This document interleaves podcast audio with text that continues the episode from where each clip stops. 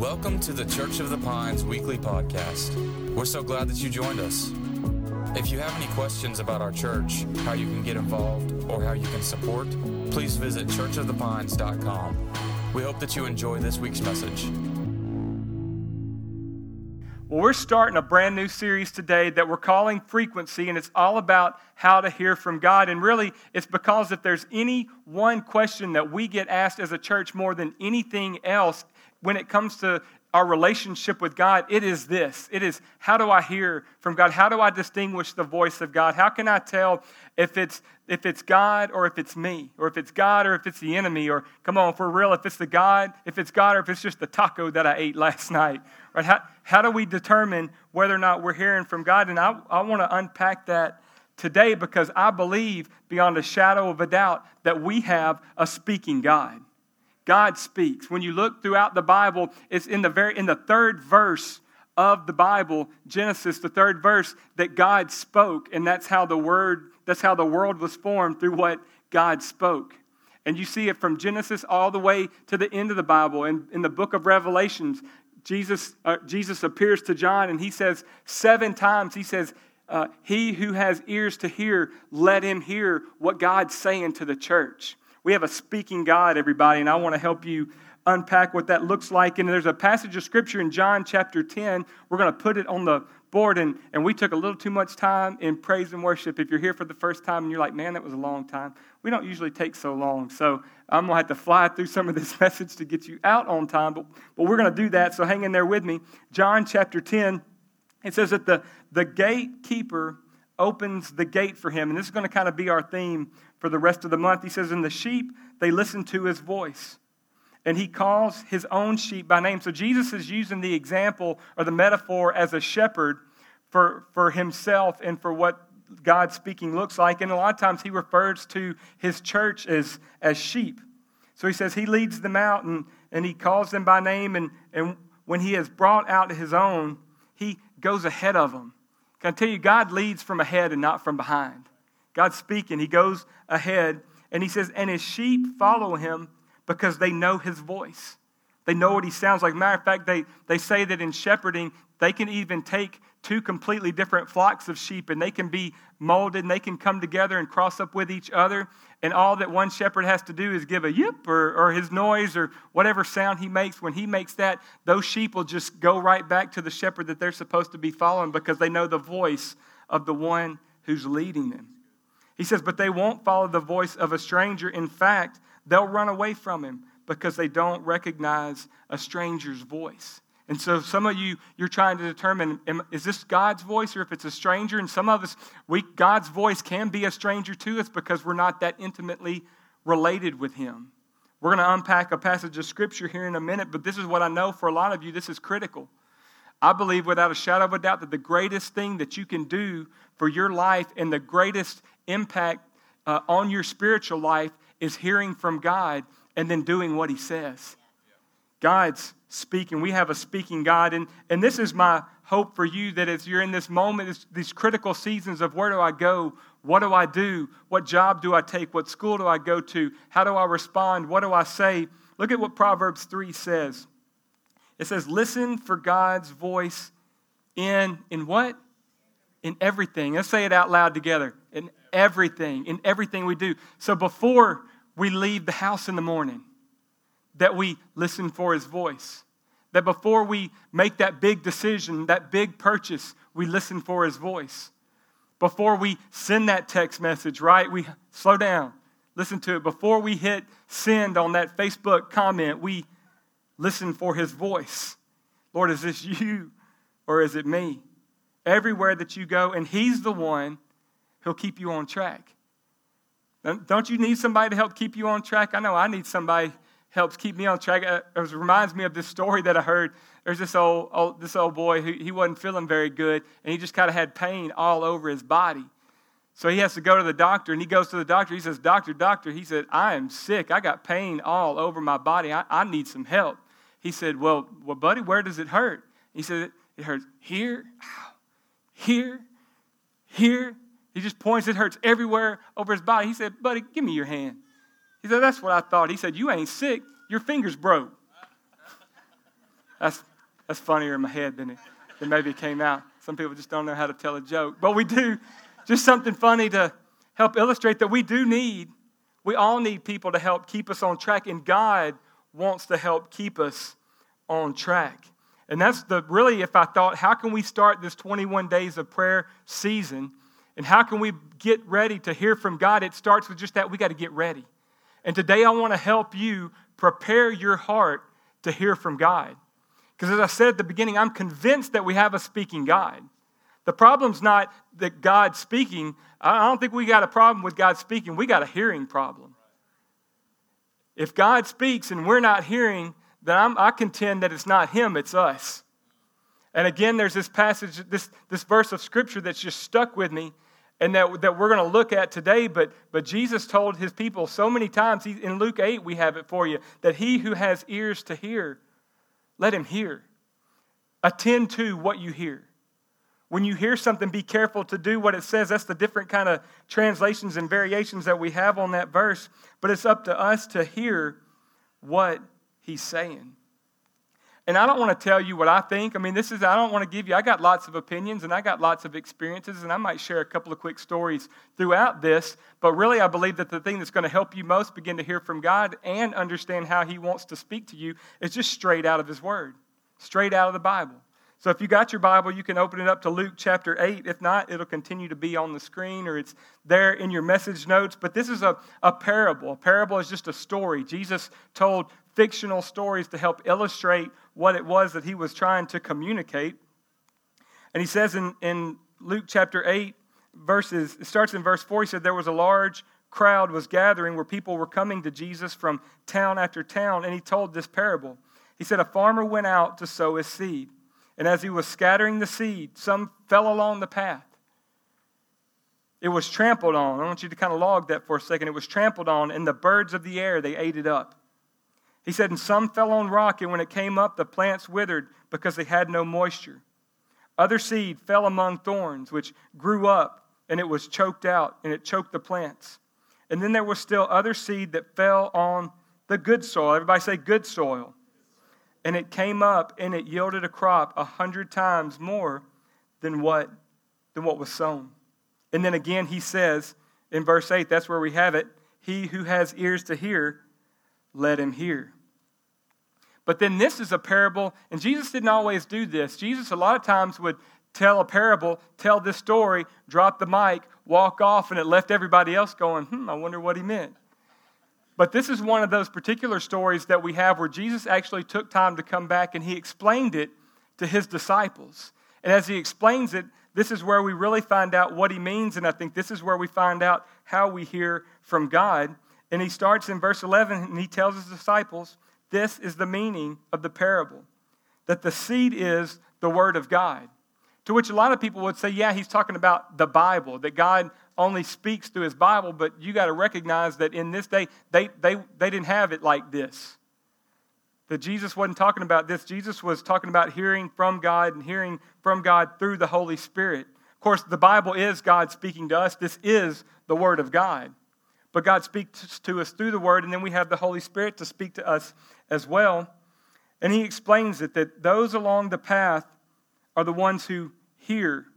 So everybody hears, but then the devil comes along and he takes the word from their heart, so he plucks it up, takes it before they can do anything with it, so they don't even have an opportunity to believe and to be saved. And then those that fell on the rocks are the ones who receive the word with joy when they hear it. But they, they don't have any root, there's no depth there. So they believe for a little while, but in times of testing, they, it gets burned up, they fall away. And then the seed that fell among thorns, it stands for those who hear it but as they go on their way, they're, they're choked out by life's worries and riches and pleasures, and they, they don't mature. That's a, a key word there. But then the seed on good soil stands for those with a, a noble and a good heart who hear the word, they retain it, and by persevering, they produce a good crop. Let him who has ears, let him hear. And so, from these different four types of soil, types of ground, that the word falls on that, that we can hear from. Just want to give you just want to jump, jump into or dive into each one of these just a little bit. So if you're taking notes, you can follow along. If you're not taking notes, you can still follow along. But the first type of soil that we see in there is, is the polluted heart. He says that, that those that along the path are the ones who hear, but then the devil comes and he, and he takes it away.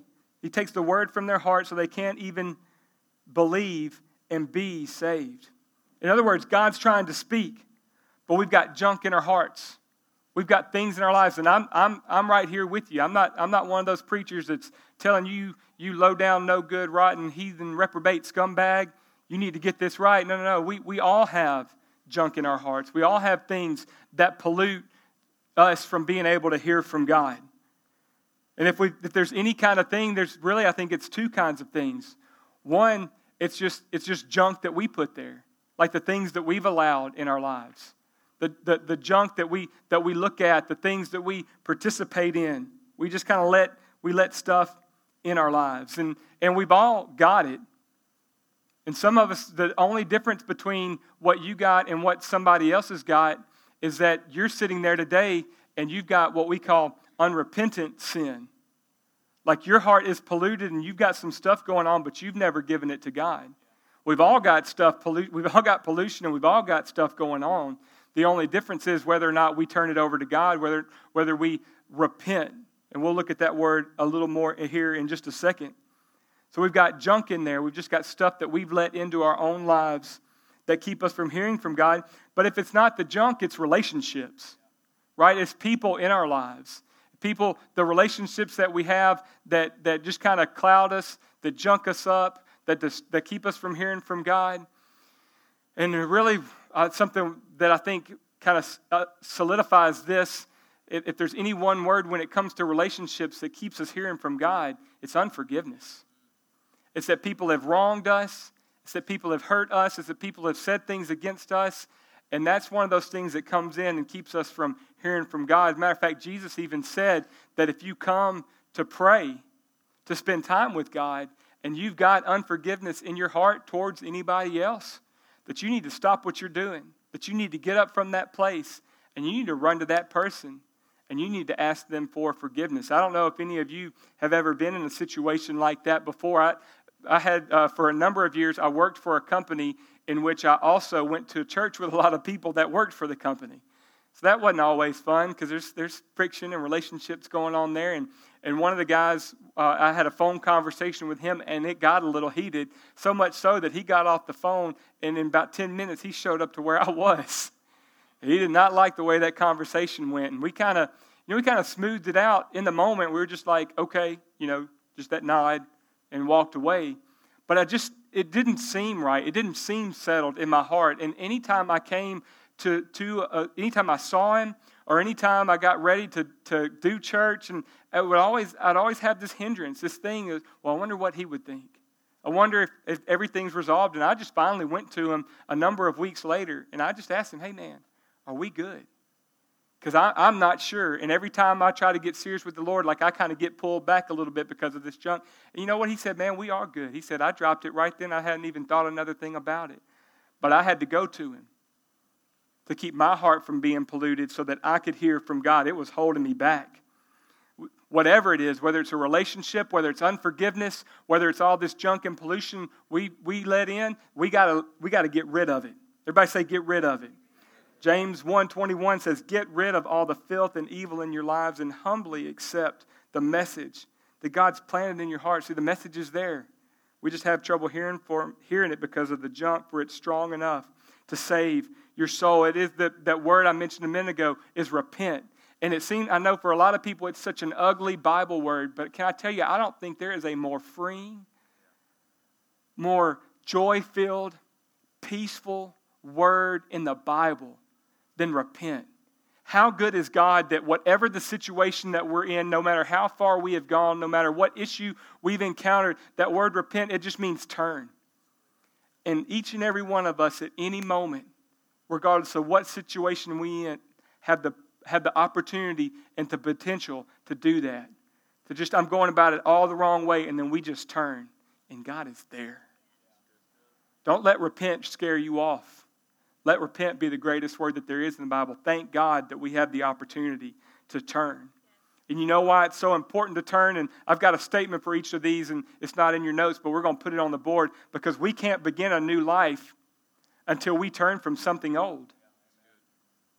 Many of you are trying, we prayed for transitions. Many of you are trying to take, make a new transition, start a new life, go on a new path, but we can't do that until we repent from the old stuff, the stuff that's holding us back. We got to repent. We got to get rid of the stuff. So we can have polluted hearts. Another thing Jesus identifies in Luke 8 13, he says another type of soil is the rocky soil, and it represents those who hear the message with joy. How many times have we gone to church and we've heard a message and we just leave singing and dancing? I know you do that every week here at Church of the Pines. You're not supposed to laugh so hard at this. But he says, We go and we hear it and we go with joy, but like young plants in such soil that their roots, they just don't go down very deep. And they believe for a while, but they wilt when the hot winds of testing come. So testings and trials come and we get distracted. This type of soil is the distracted heart. How many of you, in this culture that we live in, in the digital age that we live in, distraction comes so quickly? I'm getting hands up already. Yeah, amen. Me too. You know, one of the biggest distractions for me is my phone. I think it is for, for many of us. But we use it for so much. So I wake up in the morning and my alarm set early so that I can get up and go spend time with the Lord in my study. But just as soon as I turn the alarm off, there is five or six notifications on the front of my phone letting me know what happened between the time I went to bed and the time I woke up. And I, can I just confess to you? I know confession is, is good for the soul, but it's bad for the reputation. But just hear me out that when I get, if I get up and I start checking those notifications and I start looking at everything that's going on, there are days that I'll look up and it'll have been an hour and I have not even spent any time with the Lord. So I'm trying to discipline myself to just leave the phone right there where it is. And I read the one year Bible. It's what I do for a Bible plan. And I've got a paper one year Bible in my study now. So I can go up there and it's got the date in it and I can open that paper. I don't even have to look at the phone. I've got a Google. I like to play music while I'm up there and, and worship. Got a little Google Home Mini. And I just say, hey, Google, play some worship music. And it plays it. I don't have to look at anything. Why?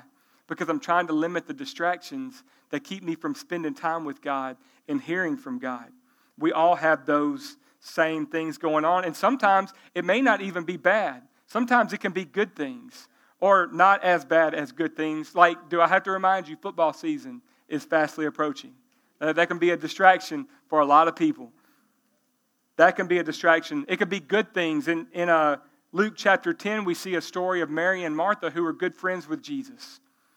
And we see two different things are going on. Jesus is in the house, and Martha's running around the house trying to take care of Jesus. Sometimes that's us. We can even be serving Jesus and doing all the things to serve Jesus. Mary's at the feet of Jesus. She's not doing anything, she's just listening to what Jesus says. Martha gets mad about it. She's like, Jesus, tell Mary to get up and help me. And Jesus is Martha. Martha. You know when Jesus calls your name twice, you're in trouble. He's like, Martha, Martha. He said, There's two things you could be doing right now, and Mary's chosen the right one. So sometimes it's even good things that can keep us distracted from being with God and hearing his voice. In order, and this is kind of the theme of our, our series, to hear God's voice, we got to turn down the world's volume.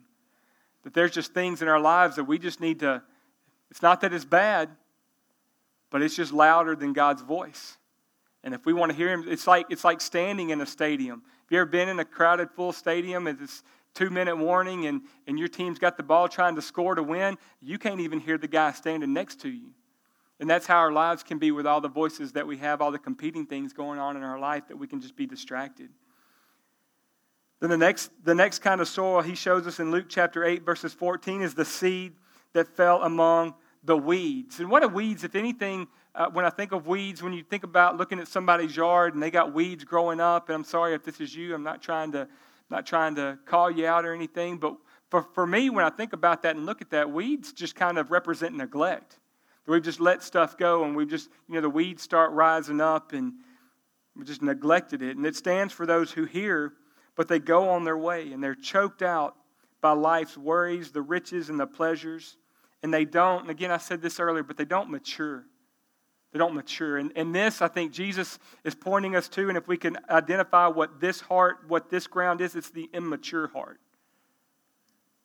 that we're just, we're just immature. God wants to talk to us, but He can't talk to us because we can't understand it. We went on a, on a trip to a, a ministry conference this past week, me and a couple of guys, and uh, we're on our way home and uh, rode in the car together a lot. So we had lots of great, just deep Jesus conversations, biblical conversations, just a lot of it got so deep, and we're grown men capable of having very mature conversations. Some not so mature, I'll be we are guys, but most of it was very deep. We can have mature conversations. But one of the guys in the car has got a one year old. So we're talking, having a great mature conversation, but then the next thing you know, he's on the phone and he goes, Everly. That's his daughter's name's Everly. Everly, how are you, baby? I love you, daddy loves you, right? He begins to talk to a one year old. Why? Because he has to talk and interact with a one year old different than he does with grown people. It'd be very weird if he started talking to us like that. But talking, but talking, and those of you who have had young children, I mean, you're just kind of doing everything you can to get their to get their attention, right? Like, look at me, look at me, over here. Let's go this way. Let's go. Let's do this. Up this. No, no, right? That's our interaction. And some of you want God to interact with you and speak to you in a very mature way, but God's saying the truth is you're just not ready. And you're dissatisfied with the level of God's communication with you. And if that is you, can I just be honest? Hey, my name's Les. I'm your friend. That maybe it's just time to grow up. Maybe it's just time to take another step. You know, we're, we're starting uh, 21 days of prayer, and I know some of you saw that on the TV, on the screen, it says 6 a.m. That's right, we said 6 a.m. 6 to 7, Monday through Friday. We start on time, we end at exactly 7 o'clock, and you can go on your way. We're not going to keep you a minute over. Some of you, maybe this is your season. We've, we've, done this several, we've done this every season since we've launched, and even before we launched. Maybe this is your season. That this is just time to you, for you to get up and go do it. I heard a great quote this week. Uh, it, originated from Mark Batterson at Natural, National Church in Washington, D.C. He said, a, a, new, a new place plus a new pace equals new perspective.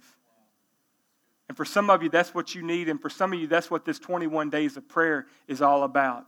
Is just to put you in a position to do something different so that you can see God and hear from God differently. God even tells us how to do it in Hebrews chapter 12. It says that since we are surrounded by so many examples of faith, that we must get rid of everything that slows us down, especially the sin that distracts us. And we must run the race that lies ahead of us and never give up. Everybody say, never give up. Never give up. We must focus on Jesus. Notice how many times he says we and us. I think it's like seven, I counted it, seven times he uses a word like we or us. You know why? It's because you're not supposed to do it alone. And some of you are trying to figure out, I don't even, you're talking about praying for an hour. I have no idea how to even pray for an hour. We'll show you. It's real easy. We'll have, a, we'll have worship, we'll have a, a devotional, you'll have some time to pray on your own, and then we'll all come back and corporately worship again before we go. You'll never prayed better for an hour in your life, and I invite you to come be a part of it. But maturity comes when we stop making excuses and start making changes. And for some of you, that's what this season is all about. I encourage you, go all in. Just say, I'm going to do it. Make the commitment and do it. We can't do it alone. Let's do it together. But then the last kind of soil that he identifies in Luke 8:15, he says, "But the seed on good soil stands for those with a noble and a good heart who hear the word, they retain it, and by preserving by preserving it produce a good crop. And as Daniel comes and we close, that's the prepared heart. And that's my prayer for each and every one of you. That during this season, we would learn and understand how to prepare our heart to hear from God. You know, it's this time of year that, that we begin to see a lot of you here for the first time. We begin to see a lot of people coming back to church, and I, we, will, we will even continue to see that happen. And, and we begin to see more people making decisions to make Jesus the Lord of their life. The, the Bible kind of calls it harvest season. And as we step into the fall and it's harvest season in the natural, we also believe that it begins to be harvest season in the spiritual as well. And as a church, and as the pastor of this church, I believe one of my greatest responsibilities is, is as Jesus kind of called it shepherding, that it, one of my greatest responsibilities is to lead you through seasons. To lead you, and we do prayer, and then we do outreach, and then we do, you know, all these things that we do throughout the year, small groups and next steps. And the, I lead you through seasons. And there are seasons before we get to the harvest seasons, there are seasons where we got to plow the ground. Can I tell you, that's what we've been doing that behind the scenes. We pray every Saturday, praying for those who are far from God to come in relationship with God. That we've been preparing the way for you to come into relationship. But then we can't do it all for you. There's some point in this journey that you got to begin to take on some of it for yourself. And you got to begin to let God prepare your heart to hear from Him. God wants to speak to you so clearly. God wants to lead you so clearly. But it begins with a, prepare, a prepared heart. How do we prepare our hearts? Number one, and we've talked about it, that we repent. That we just recognize that I've been going this whole way. Or maybe there's just part of what I've been doing that's been keeping me from Him, that we just turn. And maybe today that's what your step. We're going to give you an opportunity to, to make that decision and pray that prayer today. But today, you just need to turn and go the other way. For some of you, it's just a refocus. We're coming in out of the summer season and we've been going on vacations. I've gone on some vacations. You've been doing a lot of things. We're out of our routine. We're just out of the norm. Some of you are like, I can't wait for my kids to go back to school because it's just like chaos at my house all the time. And this is a season that we all come back and begin to refocus on life. But not just on life, let's refocus on God. Keeping our eyes fixed on Jesus. Fixed and focused. We refocus. And thirdly, and this is my prayer for the church, is that we revive. Some of you are here for the first time and you've never been to a church service like this. And we were praying and we, you were, we were worshiping. You were like, what in the, in the world? My heart is that you are revived and that we have a church and that you are a Christian who is passionate about the things of God. You know why? Because he is passionate about you. Jesus was moved with compassion everywhere that he went. And now the least thing that we can do is begin to turn towards him, revive our hearts. Why all this? Got this, we'll put this on the screen. Because God's voice is clearest in a prepared environment. And I'm just asking you today, matter of fact, why don't you bow your heads and close your eyes? God, today we are here. And we're here for the first time, and we didn't know what we were walking into. Maybe that's you. But I pray for every person in this room that, regardless of the situation or the circumstance that they're facing, that they begin to prepare their hearts to hear from you. You know, God spoke to me the clearest in my life during a 21 day of prayer season like this. It was in 21 days of prayer in January of 2015. And I had a lot of, I had a big decisions we were trying to make. We had been rooted in, in our life and in our church for 15 years. And I really felt like God was leading us to do something else, but I just didn't know. And on one of the days, I don't know which day it was, during 21 days of prayer and fasting, I can tell you exactly where I was standing and I heard the Lord speak just as clear as about. I don't mean I heard an audible voice, but just in my heart, God gave me very specific direction for what I was supposed to do. And it was that very specific direction that landed us here today. That you wouldn't be in this room and I wouldn't be here today if I hadn't heard God speak clearly in that moment. But it was when I was in a specific place at a specific time that I'd set aside time to hear from God. And so just pray a simple prayer right there where you are. Just say, Lord, what are you saying to me right now? Maybe today is your day to repent. Maybe you've been going the wrong way and you just your your simple step is just to turn. You can turn on a dime today and begin to run from him, run to him. not from Him, to Him. Maybe today your step is just to, Lord, I'm in this moment. I'm here. Help me to refocus my life, refocus my mind, refocus my heart on who you are. Maybe here you're here today and maybe you followed the Lord for a, a while, but you are just, you have never been more dry in your relationship with the Lord. And that He wants to come in and He wants to blow the breath of life into your heart, into your spirit, and empower you to follow Him in this season like you never have before. Lord, just say, Is that me? Is that what you want to do in my life? And if you're here today and, and your step is to repent, your step is to turn and run back to Him because you've been running from Him, we want to pray a specific prayer with you this morning. Maybe you've identified with that and you just want to turn today and run. The Bible, Bible calls that uh, being born again. That there's just been something in your heart and that you have not accepted Jesus Christ as the Lord of your life. You've been running the opposite direction. He wants to come in, the Bible says, and, and make his home in you and lead you on the right path. And if that's you and you need to make that decision today to follow Jesus, to turn from what you've been doing, to follow him and receive new life, we want to pray for you. I'm not going to call you to the front. I'm not going to do anything to bring attention to you, but we're going to pray a prayer with you right there in your seat. And then when you leave today, you can walk out knowing that you are in right relationship with Him and begin to hear from Him like never before. If that's you, I want you to raise your hand on three. One, two, three. Anybody in here? I'm looking around. Thank you. Awesome. I see you. Anybody looking around? Awesome. Awesome. Let's all pray this prayer together out loud. Say, Dear Heavenly Father, I thank you for Jesus. And I believe today that He died on the cross for my sins.